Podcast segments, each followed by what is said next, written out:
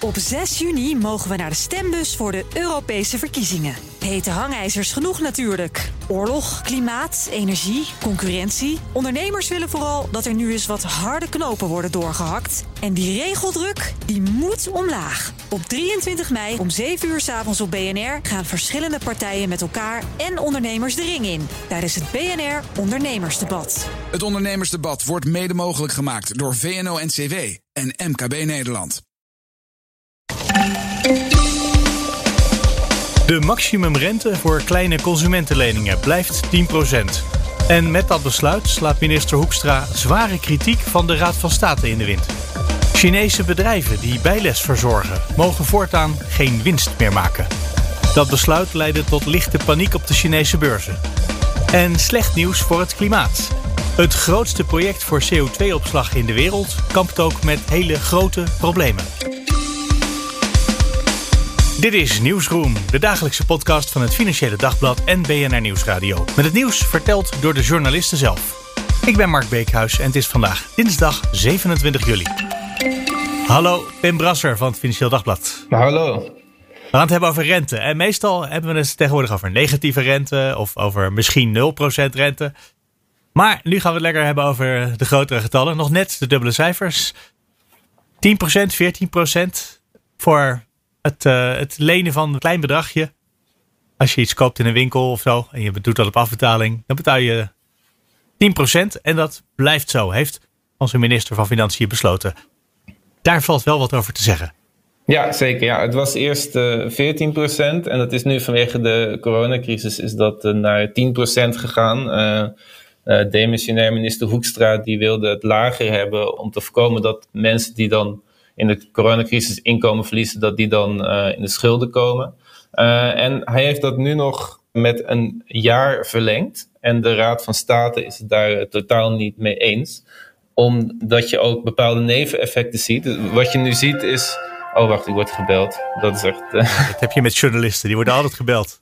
Wat je dus ziet is dat uh, die, met die 10% rente kunnen vooral uh, kortlopende leningen, die, dat, dat kan gewoon niet uit. Omdat, uh, nou ja, stel dat je voor een aantal maanden leent, die 10% is op jaarbasis. Dus dan, als je met kleine bedragen werkt, dan heb je het over een paar tientjes. En dat, dat, dat kan dan niet uit. Dus wat je nu ziet is dat bepaalde... Maar dan krijgt dus degene die het geld leent, die, die proberen we te beschermen. En in ruil daarvoor komen degenen degene die geld uitlenen nu in problemen met nog steeds 10% rente? Ja, zeker. Ja, want, want, en ook als je gewoon bijvoorbeeld een jaar, want ook, ook uh, producten kopen op de POF, zeg maar, ook die zeggen dat ze het ontzettend moeilijk hebben. Uh, en hm. als je erover gaat nadenken, stel je koopt een wasmachine van 1000 euro en uh, je doet er een jaar over om af te betalen, dan, dan betaal je dus bij elkaar. Uh, nou ja, ik, ik, kan niet zo heel goed rekenen. Je bent ook aan het afbetalen. Maar 100 euro, dat is, uh, die redden we dat, Zover was ik, ja. Maar het ja? is dus nog minder, want je bent ook aan het afbetalen. Dus, dus laten we zeggen dat het misschien uh, 75 euro is of zo. En daarvoor moet dus die lening worden afgesloten. Het moet, die lening moet worden gefinancierd. Er, zijn, er moeten allerlei checks worden gedaan. Dus je ziet nu gewoon dat bij dit rentepercentage dat het vaak niet uit kan. En het gevolg daarvan kan zijn, als dit nu nog langer deze rente op 10% uh, blijft, dat dit soort dingen dus niet meer worden aangeboden. En dat kan dus ook vervelend uitpakken, juist voor consumenten die ervan afhankelijk zijn. Want dan kunnen ze de wasmachine niet meer vervangen. Ja, ja want als, als je het hebt bijvoorbeeld over uh, kwetsbare consumenten, mensen bijvoorbeeld uh, met, met een uitkering of misschien al uh, met, met schulden. Stel je wasmachine gaat kapot. Uh, en je zit net aan het begin van de maand. Je moet toch op een of andere manier moet je dan aan een wasmachine komen. Dus voor die mensen kan dit, een, uh, kan dit zeker een, uh, een oplossing zijn. Um, en als dit dan wegvalt, omdat het gewoon verlieslatend is, dan zou je dus iets anders moeten. Dus dan zou je bijvoorbeeld een wasmachine misschien moeten huren. of deze mensen die vallen in handen van buitenlandse flitskredietaanbieders, die, die hoge boetes rekenen als je bepaalde gegevens niet binnen vijf dagen uh, inlevert. Uh, dus die, die neveneffecten, die worden naarmate die rente langer laag blijft, uh, worden die, die neveneffecten steeds groter. En dat ga je dus nu al zien. Zijn er al webwinkels inderdaad en kredietverleners die besloten hebben om ja, tegen die 10% dan maar even geen mensen, mensen dan maar even niet te helpen?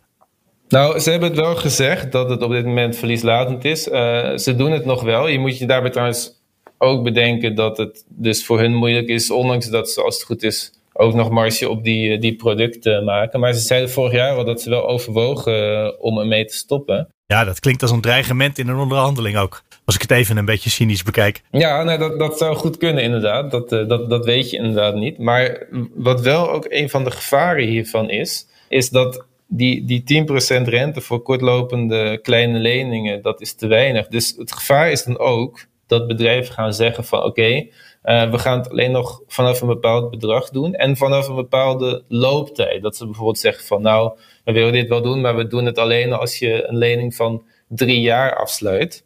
En dan, dat is dus het moment dat die, die rentekosten wel echt op gaan lopen, dat het dus wel een probleem gaat worden. Want als je dan 10% uh, per jaar betaalt, uh, dan moet je op een gegeven moment honderden euro's aan rentes afsluiten. Dus dat is ook een neveneffect dat kan optreden. Dat is eigenlijk op die manier averechts werkt. Want je wil die rente juist eigenlijk omlaag hebben.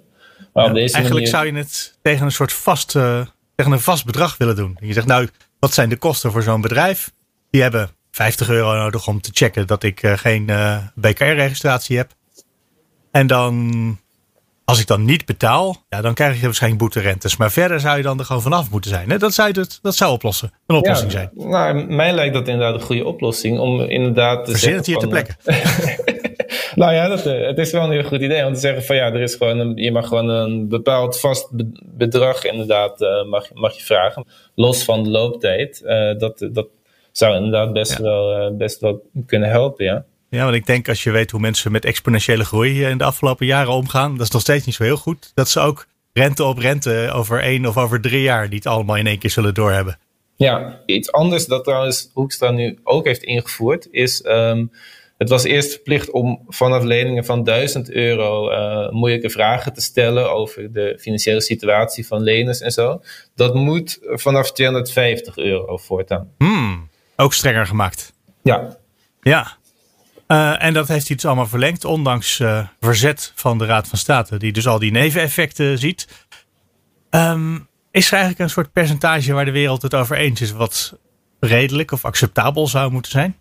Nou ja, dat is heel moeilijk. En dat is dus ook een groot kritiekpunt van de Raad van State. Uh, we weten het gewoon niet. We, we zien nu dat er bepaalde neveneffecten optreden. Het zou heel goed kunnen dat, uh, het, het is nu met een jaar verlengd, die 10% rente. Het zou heel goed kunnen dat partijen echt, echt gaan stoppen. Maar dat is gewoon heel erg moeilijk uh, om nu te zeggen. Dus dat was, uh, dat mhm. was een groot kritiekpunt. Maar um, Hoek schreef dit ook met een jaar verlengd, zodat het volgende kabinet een definitieve beslissing kan gaan nemen over waar die rente nou eigenlijk op moet komen. Uh, het probleem is alleen dat er tot nu toe geen onderzoek is gedaan naar het afgelopen jaar. Want het afgelopen jaar stond de rente ook al op 10%, maar daar weten we dus eigenlijk helemaal niets over.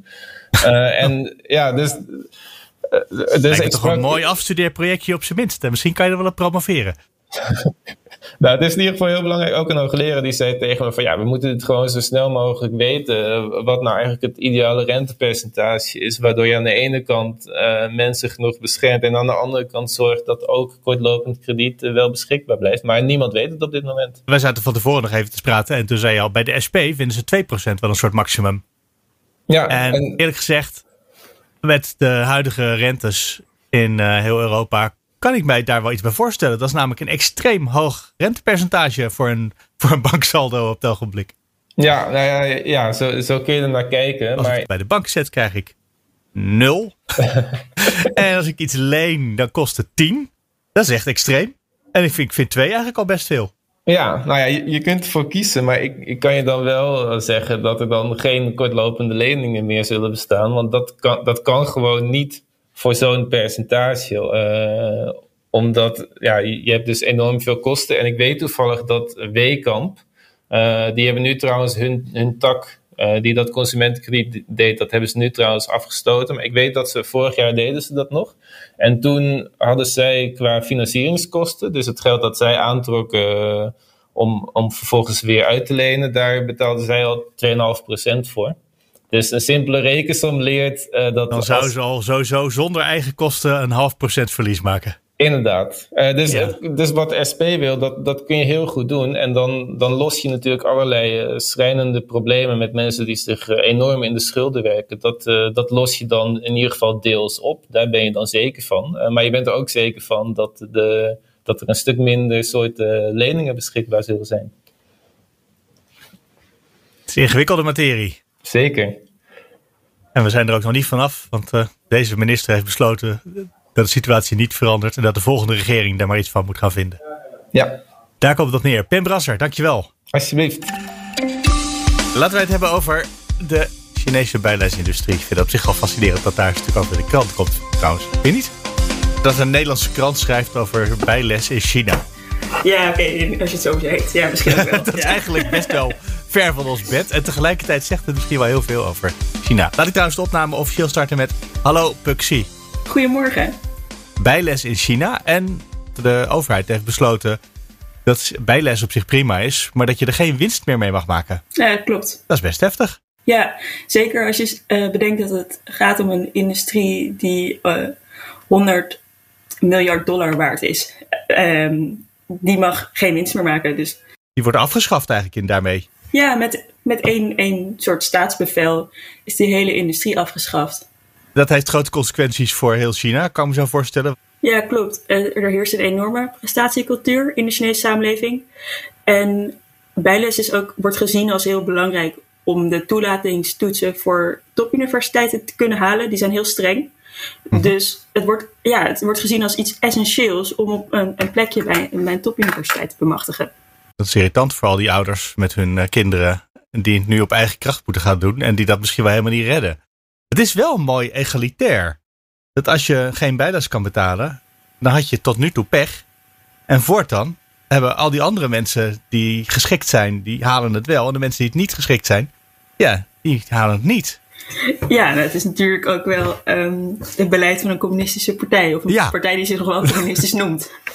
Ja, nou ja, we hebben in Nederland ook zo'n discussie op het ogenblik over bijles. Of dat uh, misschien niet uh, te belangrijke rol in het onderwijs begint te spelen. En dure privéscholen en zo. Ja. Maar daar pakken ze het aan op een nogal radicaal Chinese manier, die hier vast niet past. Ja, het is vrij rigoureus, ja. ja. Maar je zei, het is ook in China een enorme industrie. 100 miljard, zei je. Mm Ja. dat is belachelijk veel geld. Dat betekent dus dat het hele land ermee bezig is. Weet je hoe ouders daar dan bijvoorbeeld in de praktijk nu mee omgaan? Uh, of ze het zomaar opgeven? Nou, nee. Er schijnt dus, of er is, een, eh, een stormloop uh, ontstaan op privé-bijlesdocenten. Dus er zijn wel hm. degelijk ouders, en dat, dat je ook in de berichten, die zeggen: hé, hey, maar dit vergroot juist de economische ongelijkheid, omdat mijn kind, als het omhoog wil klimmen in deze maatschappij, die bijles nodig heeft. Dus nu probeer ik het systeem te omzeilen door zelf een privé-bijlesdocent te regelen. Dus dat betekent eigenlijk dat de, de echte elite, het hele kleine laagje, dat die nu een voorsprong krijgt ten opzichte van uh, niet alleen de onderklasse, maar ook de middenklasse. Want je krijgt een privéleraar ineens als je het zelf gaat regelen. Ja, ik moet eerlijk zeggen dat ik niet precies weet hoe, hoe duur die zijn in China. Oh, maar ik kan me voorstellen dat, dat dat net als hier zo is. Dat er mensen zijn die wat meer te besteden hebben. En die daarom ook, uh, nou ja, bijscholing kunnen betalen voor hun kind. Dat lijkt me geen gek gedachte. Nee. Um, wat was eigenlijk de reden dat China er nu mee kwam? Uh, dat de regering zei: we stoppen ermee met dat, uh, met dat winst maken met onderwijs? Nou, er is niet bijzonder veel toelichting gegeven. Bij het ministerie van Financiën is wel een apart een online artikel gekomen die zegt dat de bijlesindustrie is gekaapt door het kapitaal. Um, en wat je sowieso ziet in China is dat over een hele. Ja, wat je sowieso ziet in China is dat er bij meerdere sectoren nou ja, hardhandig wordt opgetreden. Je ziet het bij de technologie sector. Ehm, Alibaba heeft een enorme boete gekregen, niet zo lang geleden. Um, recent. Uh, ja, de muziekrechten van de week nog bij. Uh, ja, dat precies. Was, uh, hoe heet het bedrijf ook weer? Tencent. Tencent. Tencent was dat, ja. ja. Je ziet de ene naar de andere nieuwsberichten voorbij komen. Ook ook in, in het FD over dat die techsector wordt aangepakt. En er zijn berichten, en daar schreef onze correspondent uh, al over begin deze maand, dat ook de fastfoodsector strenger gereguleerd gaat worden. Dus ik heb gebeld met een, um, met een hoogleraar moderne China-studies aan de Universiteit Leiden, Frank Pieke. En hij zei: Ja, eigenlijk is dit een manier om te laten zien aan al die nieuwe sectoren wie er de basis is in China. En dat is de partij. Dat wist iedereen wel, maar het moest toch nog even ingevreven worden, kennelijk. Ja, dat zijn er zijn een aantal sectoren die zijn de afgelopen paar jaar, de afgelopen twintig jaar, ontzettend hard gegroeid. Die technologie sector, maar ook de bijlesindustrie. Die nieuwe sectoren, die zijn nieuw. Dus daar heeft de Communistische Partij van oudsher geen grip op gehad.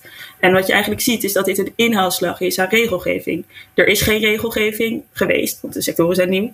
Dus ja, goed, ze zijn het aan het inhalen. En daarnaast worden alle regels die er al waren heel streng gehandhaafd. En in China gebeurt dat heel rigoureus en op grote schaal. Ja, het is goed. Je zei net het woord uh, correspondent. Dat ben jij niet, want jij zit gewoon in Nederland. De correspondent zit ook in Nederland op het ogenblik. Je hebt gewoon vakantie. vind ik ook wel weer mooi. Zo knullig. Uh, ja, vind je dat knullig? Nee, want het, het, klinkt alsof je weet waar je het over hebt. En, uh, het klopt ook precies met wat ik van uh, Anouk Eigenraam tot nu toe hoor. Dus het, nee, dat is niet knullig. Gelukkig maar.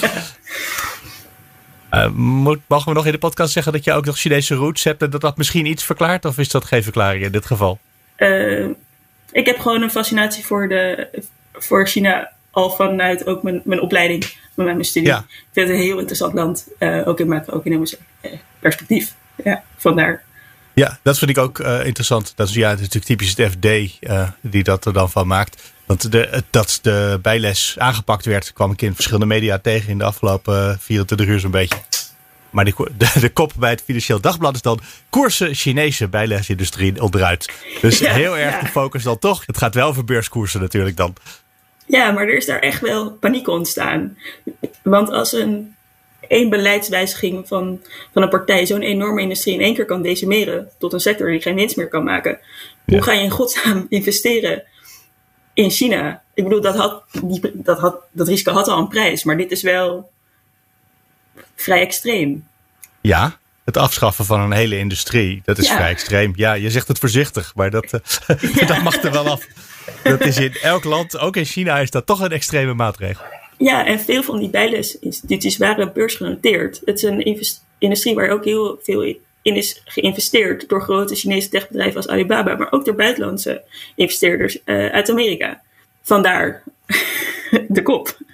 Spannend hoe zich dit ontwikkelt, Buxy. Dankjewel. Jij bedankt. Hallo, Bert van Dijk van het Financieel Dagblad. Goedemorgen. We gaan het hebben over CO2-opslag. Dus dat is een van de oplossingen om grote problemen met het klimaat te voorkomen. Ja. Door CO2 uit de lucht te halen en dan ergens onder de grond te stoppen. Klopt. En ja. het stuk wat jij gemaakt hebt zegt: het grootste project in de wereld, aan de andere kant van de wereld ook, heeft ook grote problemen. Wat uh, gaat er mis? Ja, nou, er gaat van alles mis. nee, het is inderdaad, het gaat om een echt een, uh, ja, het is een van de grootste gasproductieprojecten ter wereld. Het is in Australië. Uh, LNG Gorgon heet dat. En dat uh, is een project van uh, Chevron. althans, die is de grootste aandeelhouder in het project. Shell zit daar ook in en Exxon zit daar ook in met allebei 25%.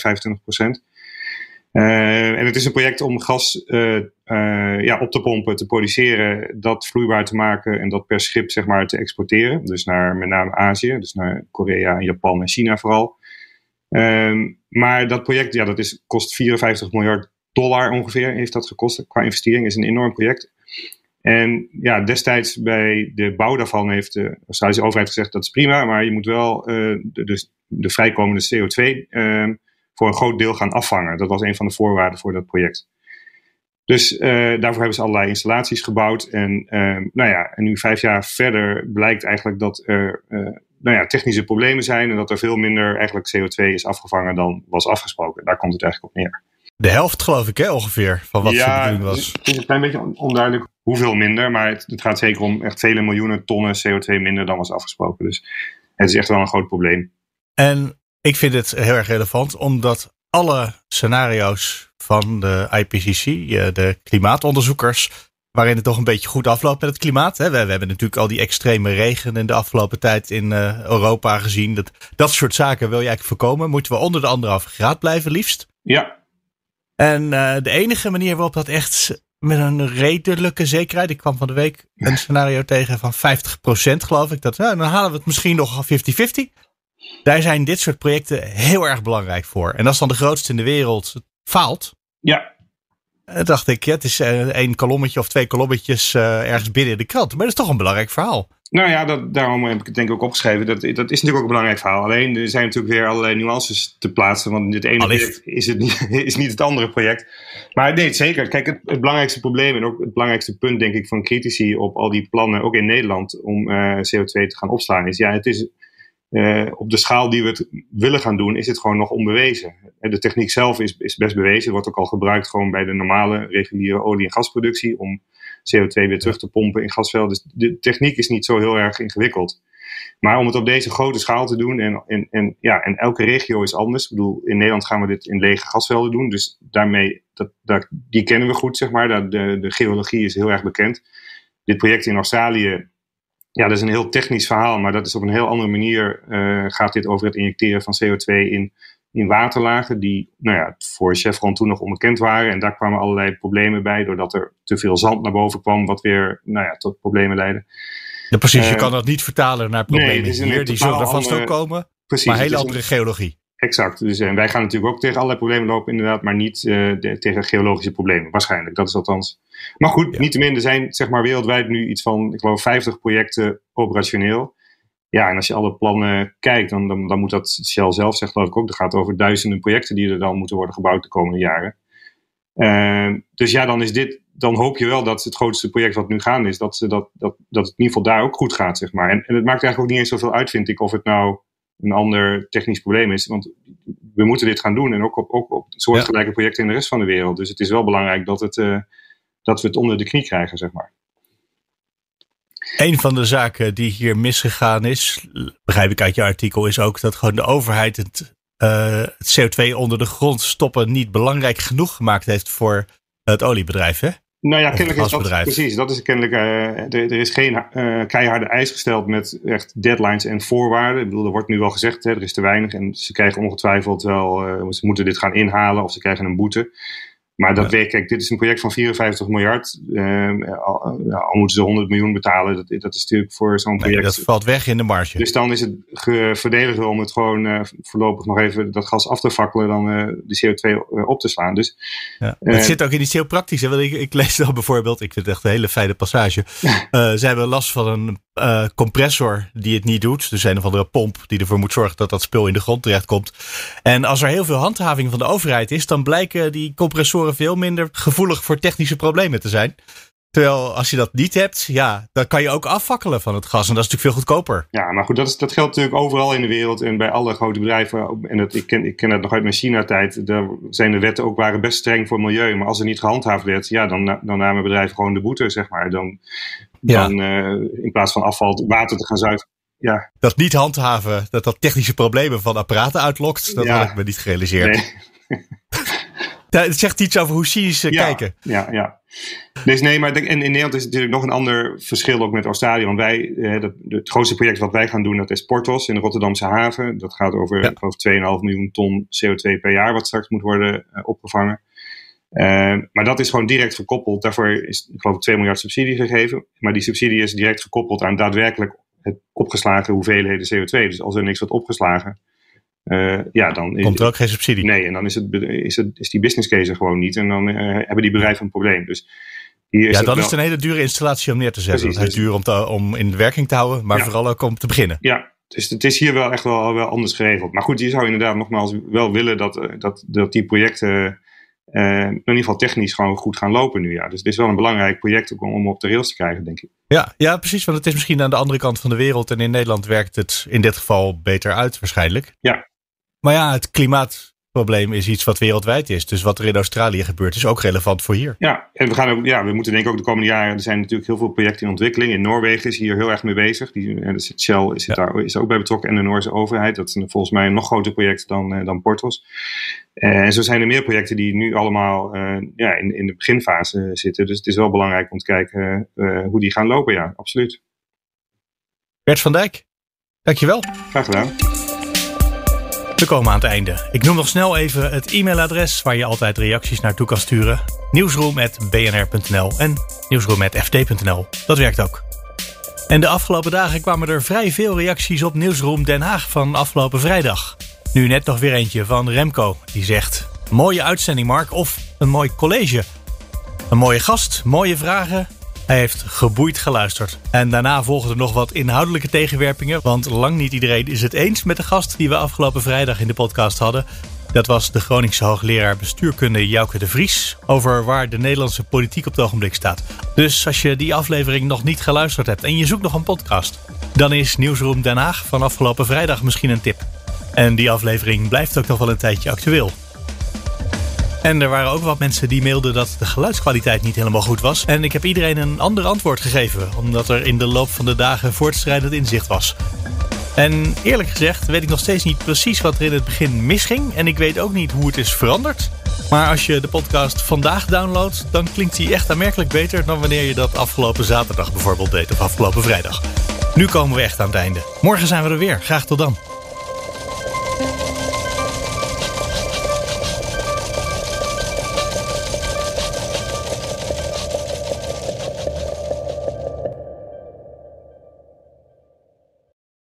Op 6 juni mogen we naar de stembus voor de Europese verkiezingen. Hete hangijzers genoeg natuurlijk. Oorlog, klimaat, energie, concurrentie. Ondernemers willen vooral dat er nu eens wat harde knopen worden doorgehakt. En die regeldruk, die moet omlaag. Op 23 mei om 7 uur s avonds op BNR gaan verschillende partijen met elkaar en ondernemers de ring in. Tijdens het BNR Ondernemersdebat. Het ondernemersdebat wordt mede mogelijk gemaakt door VNO-NCW en MKB Nederland.